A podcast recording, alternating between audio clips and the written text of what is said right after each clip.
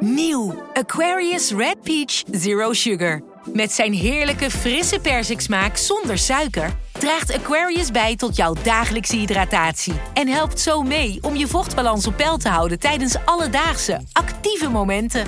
Thuis, op het werk of onderweg. Ook verkrijgbaar in smaken lemon en orange. Probeer hem nu. Een maatschappij waarin iedereen meedoet. Een gezonde, groene en rechtvaardige wereld. Daar willen jij en heel veel andere mensen best iets aan bijdragen. In het klein en in het groot. Dicht bij huis en ver weg. Zo hebben we vorig jaar 349 miljoen euro bij elkaar gebracht. Miljoenen waarmee onze goede doelenpartners de wereld elke dag een beetje beter kunnen maken. Nationale Postcode Loterij. Samen voor een betere wereld.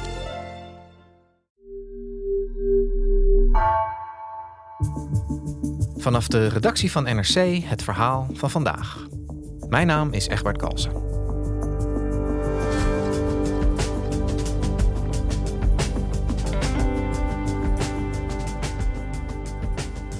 Dertig jaar geleden werd de Amsterdamse Bijlmermeer opgeschrikt door een keiharde knal. Een Israëlisch vrachtvliegtuig stortte neer op een betonnen flatgebouw midden in de woonwijk.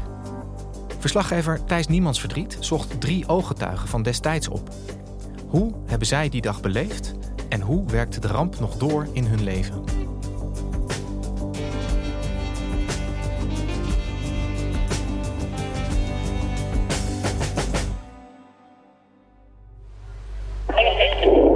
T'arrives, elle est Het la flèche. Elle est.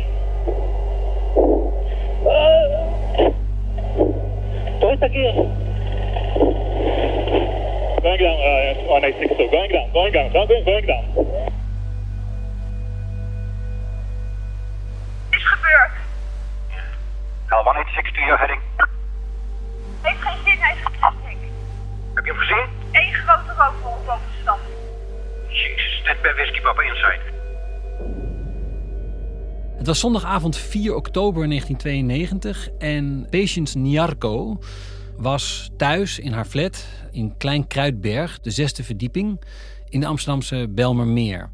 All what we heard, we heard was boom at once. Now we say, ah, what is this? Ze heet Patience. Ze werd en wordt door iedereen Mama Betty genoemd, wat eh, eh, heel gebruikelijk is in de, in de Ghanese gemeenschap.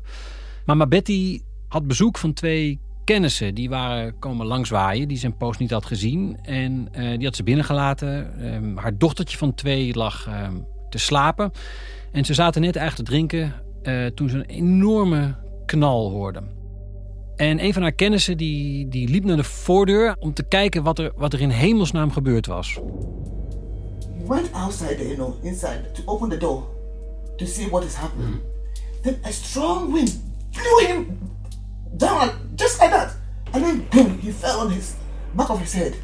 Hey. Then the other one said, okay, what is happening? But the, the one lying there said, don't, don't, don't, don't, don't open the door. But he won't listen. So he went to open the door and the same thing to happen to him. En mama Betty keek zelf ook naar buiten en, en daar zag ze over de galerij allemaal mensen rennen die, die, die compleet ontredderd waren en compleet in paniek. And then I, I, I opened the balcony. Then I saw people running. You know, people running. And all kinds of languages people were talking. Babamento, Ghanese, Surinamese, English. Everybody was, because people don't know where to go, you know, panicking. Ev- Everybody was panic. And they said, it's a plane crash. It's a plane crash. I said, plane crash? Vliegtuig in de Bijlmer neergestort. We gaan de locatie bekijken. Dit is een rood alarm. Dit is een Boeing 747 neergestort in de K-zone. Het is geen geintje, jongens. Serieus. Alle eenheden richting K-zone. Mama Betty die, die maakte haar dochtertje wakker en samen met die twee kennissen vluchtten ze ook weg uit de flat. Want ze hadden door dat, het echt, dat ze echt moesten maken dat ze wegkwamen. Het lukte ze om in het trappenhuis te komen. Ze konden niet met de lift, want die was kapot en bovendien gevaarlijk. Smoke was everywhere. Oh, it was very terrible. Very terrible. Everybody was shaking. It was so congested. And then the panic, people were falling, you know, even on the trap. Everybody was rushing to get to get to, go down, to get down. So people were, you know, stepping on on top on on top of uh, people. It wasn't easy at all.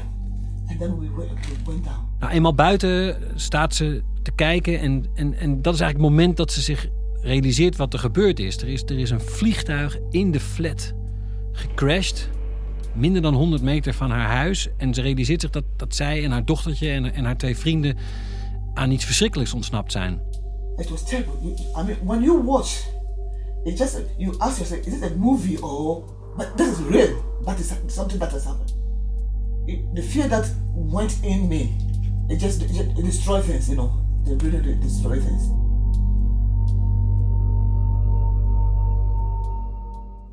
Vandaag is het precies 30 jaar geleden dat die ramp plaatsvond. En ik was eigenlijk benieuwd naar in hoeverre de ramp nog steeds doorwerkt in het leven van mensen die het van heel nabij hebben meegemaakt destijds.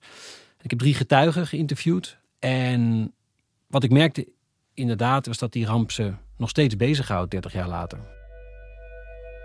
Thijs, eh, fijn dat je er bent en dat we met jou en de drie mensen die je hebt gesproken terug kunnen kijken naar de, de vliegramp in de Bijlmermeer in 1992.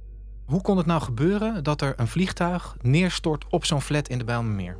Het ging om een Israëlisch vrachtvliegtuig. Dat was afkomstig uit New York. Het had een tussenlanding gemaakt op Schiphol. En daarna steeg het weer op. En er was eigenlijk op Schiphol bleek al naderhand dat er iets niet goed was. Eh, er waren wat defecten. Die zijn toen bij wijze van spreken met, met duct tape eh, gerepareerd. Het vliegtuig is opgestegen. En al heel snel na de, na de take-off bleek dat, eh, ja, dat er iets echt goed mis was. Het vliegtuig heeft toen geprobeerd om terug te keren naar Schiphol. Het verloor onderweg een motor. Heeft twee rondjes boven Amsterdam gevlogen. En is uiteindelijk toen in de Belmermeer, Amsterdam Zuidoost, in twee flats gecrashed. En jij zei al, je, je was benieuwd naar wat de impact van die ramp is geweest op mensen die dat van dichtbij hebben, hebben meegemaakt destijds. Hoe is dat in het geval van mama Betty? Nou, onmiddellijk, direct na de ramp, vertelde zij dat ze zelf ook ja, behoorlijk in shock was. Dat ze drie of vier dagen eigenlijk gewoon niet kon eten. Haar dochtertje was ook heel erg aangedaan. Die, die, die, die kon eigenlijk in die eerste weken helemaal niet tegen geluiden. Eh, als de metro langs reed, eh, dan, eh, dan raakte ze al ontdaan als je de stofzuiger aanzette. Ze wilde niet alleen gelaten worden. Ze heeft twee maanden gelogeerd bij een kennis met haar dochtertje. Al snel bleek dat eigenlijk al haar spullen verloren waren. En ze heeft uiteindelijk een ander huis gekregen. Na twee maanden in de buurt van waar ze woonde. En niet in een flat, dat wilde ze niet meer. En in de jaren daarna heeft, heeft ze haar leven weer opgepakt. Maar eh, die ramp is altijd onder de oppervlakte, heeft hij een rol gespeeld in haar leven. Ze is, ze is dankbaar dat ze het heeft overleefd. Maar ze heeft zich ook heel, heel erg afgevraagd van waarom heb ik dat geluk gehad? You know, I'm very, very grateful. Yeah. Very, very, very grateful to being alive, seeing the child that I could have lost. You know. Eh, het was zo dat ze eigenlijk die avond van plan was om melk te gaan halen voor de dochter. Want die was op. En net op het moment dat ze op punt stond om de deur uit te gaan, kwamen die twee vrienden langs. Waardoor ze thuis was op het moment dat het vliegtuig eh, insloeg. En ja, ze vroeg zich af hoe. Wat als ik weg was geweest en ik had niet meer terug kunnen keren naar die flat terwijl mijn dochtertje daar te slapen lag? Dat, eh, wat dan? En, en hoe is zij in, in haar latere jaren met dat trauma van die ramp omgegaan? Nou, wat ik heel opvallend vond, is dat ze vertelde dat ze dus eigenlijk nooit meer teruggegaan was naar de plek van de ramp. Terwijl ze woont daar een halve kilometer vandaan. En er staat daar een monument. Dat staat er al, eh, al meer dan 25 jaar. Ook daar is ze nooit geweest, tot vorige maand. Dus is vorige maand, vertelde ze, is ze er voor de eerste keer langs gegaan. Eh, dus dat betekent eigenlijk wel dat ze het altijd, zo verwoorden ze het ook, dat heeft haar, er is een soort angst in haar gekropen, die eigenlijk nooit helemaal is weggegaan. J- Jij zei dat monument, hè? heeft zij mensen verloren eigenlijk die zij kende bij die ramp, eh, die bij dat monument nog eh, herdacht worden? Ja, een aantal buren die ze kende zijn omgekomen. Het meest aangrijpende verhaal was, was haar buurvrouw die al haar drie haar kinderen verloor. En ze vertelde dat, dat een van die drie kinderen, een meisje van een jaar of negen, tien, dat was die middag van de ramp nog langs geweest bij haar om, eh, om zonnebloemolie te lenen voor het koken. So at one o'clock, the girl came and said, Auntie, my mother said, do you have oil, cooking oil for me, for her? En dat heeft ze haar meegegeven. En dat was het laatste wat ze van haar gezien heeft. So I gave and that, that was the last time I saw them. Dat monument dat staat bij de boom die alles zag, zoals iedereen het in de buurt eh, noemt. Het is een soort muur, eigenlijk in de vorm van een flat. En alle namen van alle mensen die zijn omgekomen eh, bij de ramp, die staan in die muur gebeiteld. En dan moet ik wel nadrukkelijk bij zeggen, dat zijn de namen van de mensen waarvan we weten dat ze zijn omgekomen. Want of dat alle mensen geweest zijn, dat is eigenlijk tot op de dag van vandaag onduidelijk gebleven. En precies die vraag over hoeveel mensen daar nou werkelijk zijn omgekomen bij die ramp, dat is een vraag die, die Joop Reder tot op de dag van vandaag heeft beziggehouden. Joop Reder was een van de twee politierechercheurs die als eerste ter plekke was op de rampplek. Hij is inmiddels 76, hij is al geruime tijd gepensioneerd en ik heb hem eh, gesproken in zijn woning in Amsterdam-Osdorp. Een echte, echte politieman nog steeds. Ik kreeg koffie, ik kreeg speculaasjes en eh, hij vertelde over hoe hij daar kwam en hoe machteloos hij zich eigenlijk voelde. Overal lagen onderdelen van en, eh, eh, brokstukken en eh, het is, eh, ja, wat op mijn netvlies staat, was een, eh, een inferno wat ik nog nooit had gezien. Ja.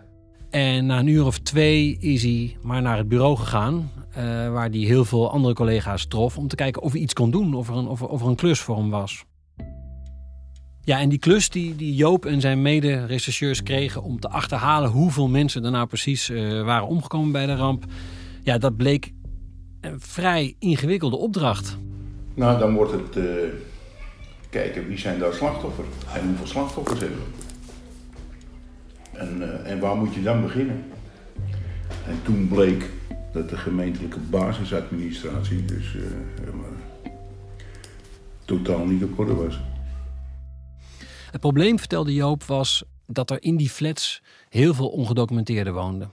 Dat was ook de reden dat die, dat die administratie zo'n chaos was. Dat vliegtuig had een, had een gigantisch gat geslagen in die twee flats. Ze wisten hoeveel appartementen er, er verdwenen waren eigenlijk. Mm, En ze hebben vervolgens hebben ze een soort list verzonnen waarbij ze postorderbedrijven hebben gevraagd van welke namen hebben jullie nou staan op die verdwenen adressen.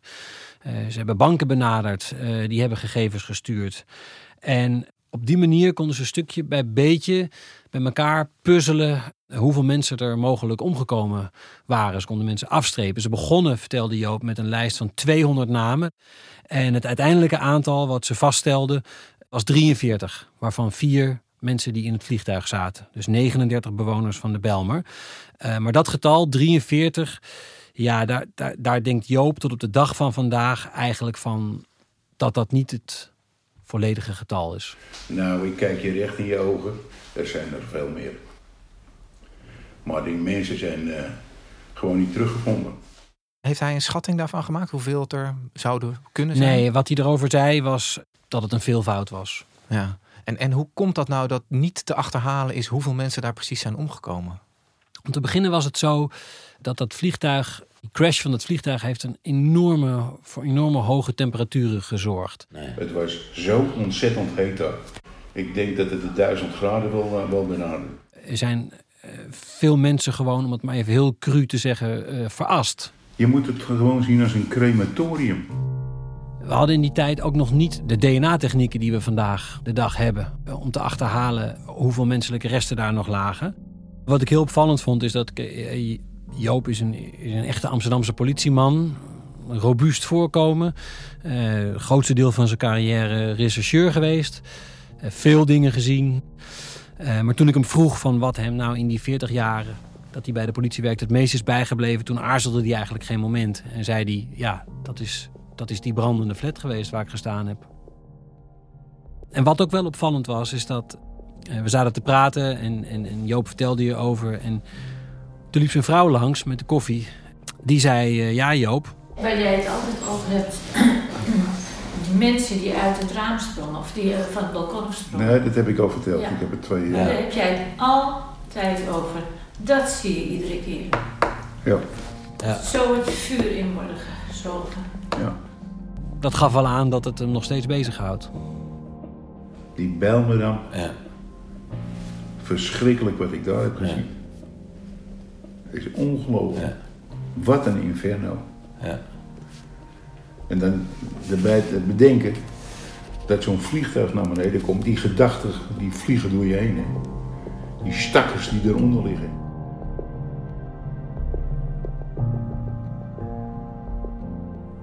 En ik kwam daar, en het was echt een inferno. Eh, eh, overal brandende eh, vlekken in het gras. En een gebouw wat instortte. Gillende mensen die, die wegrenden. De derde getuige die ik heb geïnterviewd is Henk van der Belt. En Henk van der Belt, hij woonde in de flat Kikkenstein. Dat was de flat net achter de flats waar het vliegtuig was ingeslagen. En ook hij hoorde keiharde dreun. En hij is toen naar buiten gerend en heeft daarbij zijn video 8 camera eh, meegenomen. En hij heeft opnames gemaakt van wat hij zag. Eh, niet heel lang, want eh, na anderhalf minuut bleek zijn batterij helaas op te zijn. Maar hij heeft de brandende flat gefilmd. Mensen nou, die renden over de galerij daar. Ik, ik heb toen wel beelden geschoten, maar ik was echt ook flabbergasted. Ik was... Dacht van, Jamie, hoe kan dat gebeuren? En hij is toen eigenlijk eh, vrij snel in de auto gesprongen en is naar de redactie van de NOS gereden in Hilversum om die beelden te geven. En ja, de beelden die de mensen die die avond naar het 8 uur journaal keken, eh, de eerste beelden die zij zagen van de ramp in de Belmer, dat waren de opnames van Henk van der Belt. Goedenavond. Rond kwart voor zeven vanavond is een vrachttoestel Boeing 747F van El Al neergestort in de Bijlmermeer in Amsterdam. Ooggetuigen hebben vlak voor het vliegtuig neerstorten een explosie gezien. De eerste beelden van de ramp krijgen we nu binnen. Ja, en dat zijn beelden die staan uh, zeker voor mensen van, uh, van onze leeftijd, uh, op het netvlies gegrift. ik zat ook voor dat journaal te kijken die avond. Jij bent dus terug geweest naar de maker van die beelden. Hoe, hoe, is het nu met hem? Hoe gaat het? Ik ben langs geweest bij Henk. Hij is, hij is inmiddels 73 en hij woont nog steeds in, de, in dezelfde flat waar hij toen woonde. Hij heeft wat moeite met articuleren, want hij heeft een aantal jaar geleden een, een beroerte gehad. Verder is hij nog steeds de, de persoon die hij toen was. Hij woont in een appartement dat, dat vol staat met multomappen, met boeken, met, met foto's, met stapeltjes papier. En hij is eigenlijk altijd bezig gebleven met die Belmeramp. Altijd onderzoek blijven doen. Die vraag die hij zich eigenlijk die avond kort na de klap stelde, hè, van hoe heeft dit kunnen gebeuren, is hem eigenlijk de rest van zijn leven altijd blijven bezighouden. Maar ik had nog geen idee dat, dat het 30 jaar, met, tot op heden dus, met die vliegrammeester zou zijn. Dat heeft ons duizenden uren uh, gekost, zeg maar. Henk was, was voorzitter van de bewonersvereniging van de, van de flat. Dus uh, hij heeft sowieso meteen gezorgd dat de collectieve ruimtes van de flat uh, opengegooid werden. Zodat mensen daar konden samenkomen, konden praten over wat er was gebeurd, troost konden vinden bij elkaar. Um, hij heeft spullen ingezameld. Uh, voor mensen die, ja, die alles kwijtgeraakt waren. En hij heeft uh, zich ook geroerd op het moment dat het vliegverkeer weer hervat werd. Want je, je moet je voorstellen, er hebben toen tien dagen geen vliegtuigen over de Belmer gevlogen na die ramp. Maar op een gegeven moment mocht dat weer en kwamen de vliegtuigen weer tamelijk laag overvliegen, omdat de Belmer onder een aanvliegroute van een van de banen van Schiphol uh, ligt. Uh, Henk zag en hoorde om zich heen allerlei mensen die natuurlijk getraumatiseerd waren door wat er gebeurd was, die, die, die daar niet meer van sliepen, uh, die heel veel stress hadden. Mensen werden bezweet wakker als er weer een vliegtuig overging. En ja, als er westenwind is, ze, kwamen ze om de minuut hier binnen. En heeft toen een ludieke stunt uitgehaald. Hij heeft op het dak van een van de parkeergarages in de Belmermeer, je had veel grote parkeergarages daar, heeft hij met piepschuim de woorden quiet neergelegd. 36 meter lang. En volgens hem zichtbaar vanaf 1000 meter hoogte. Wat een soort boodschap was aan de vliegtuigmaatschappijen en de Rijksluchtvaartdienst. En eh, die daar weer, die het mogelijk hadden gemaakt dat daar weer vliegtuigen overheen vlogen. Ja, hij wilde het zwijgen opleggen. Het, ge, het lawaai. Hij wilde het niet meer hebben daar. Nee. En jij vertelde al dat hij uh, eigenlijk in de jaren daarna ook nog heel erg bezig is gebleven met, uh, met de onopgehelderde vragen. Hè, die, die, die ook bij deze, bij deze ramp horen. Ik geloof dat we allemaal nog wel weten dat uh, los van het aantal mensen. Waarvan we niet precies weten hoeveel het er zijn geweest die zijn omgekomen. Maar er heel veel vragen waren. Mannen in witte pakken zouden er gesignaleerd zijn op de plek van de ramp. Er was onduidelijkheid over wat nou precies de lading was van die El Al-Boeing. Eigenlijk is er nog steeds een heleboel onopgehelderd gebleven. Ja, en, en Henk is eigenlijk daar vrij snel na de ramp ook mee aan de slag gegaan. Hij is lid geworden van een soort ja, burgeronderzoekscollectief. Uh, hij noemde het zelf uh, gekscherend een Bellingcat avant la lettre. Uh, een aantal bewoners, burgers, die eigenlijk zelf zijn gaan onderzoeken wat daar nou, wat daar nou gebeurd was. En ook hoe het zat bijvoorbeeld met de veiligheid rondom Schiphol. Hoe het zat met gezondheidsklachten die veel bewoners hadden in de, in de tijd na de, na de ramp. En hij heeft ook veel samengewerkt met een aantal journalisten die zich echt in de materie hadden vastgebeten. En ja, hij heeft daarmee mede bijgedragen aan het feit dat er uiteindelijk zeven jaar na de ramp een parlementaire enquête georganiseerd is eh, door de Tweede Kamer om die vragen op te helderen. Zijn die vragen daarmee opgehelderd met die parlementaire enquête? Voor een deel wel, maar voor een heel groot deel ook niet. En dat is eigenlijk wat er altijd toch een beetje om de Belmerramp is blijven heen hangen. Het gevoel van dat een aantal zaken nooit helemaal duidelijk zijn geworden. Uh, zelfs nadat mensen onder Ede verhoord waren. Hoe zat het met de lading? Uh, hoe zat het met die gezondheidsklachten? Dat is nooit helemaal duidelijk geworden. En, en, en hoe is dat voor Henk dat dat nog steeds hangt? Ehm, dat maakt dat die ramp voor hem ook nog steeds onderdeel van zijn leven is, denk ik. Ja, hij heeft daar eigenlijk voor de, zoals hij het beschreef, voor de rest van zijn leven een hele kritische houding aan overgehouden ten opzichte van alles wat gezag is. Uh, alles wat overheid is. De Rijksluchtvaartdienst, uh, politici in Den Haag. Hij zegt, het heeft me veel gebracht.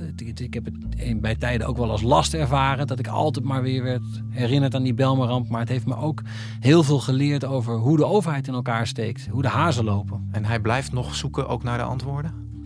De Henk zal tot aan het eind van zijn leven hiermee bezig blijven, vermoed ik. Dankjewel Thijs. Graag gedaan, Egbert. Je luisterde naar vandaag, een podcast van NRC. Eén verhaal, elke dag. Deze aflevering werd gemaakt door Lis Doutsenberg en Jeppe van Kesta. Dit was vandaag. Morgen weer.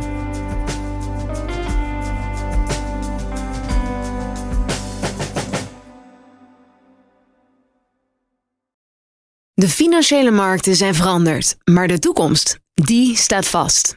We zijn in transitie naar een klimaatneutrale economie. Dit biedt een van de grootste investeringskansen van onze generatie. Een kans voor u om mee te groeien met de pioniers van morgen. Meer weten? Ga naar carbonequity.com. Carbon Equity. Do good by investing better.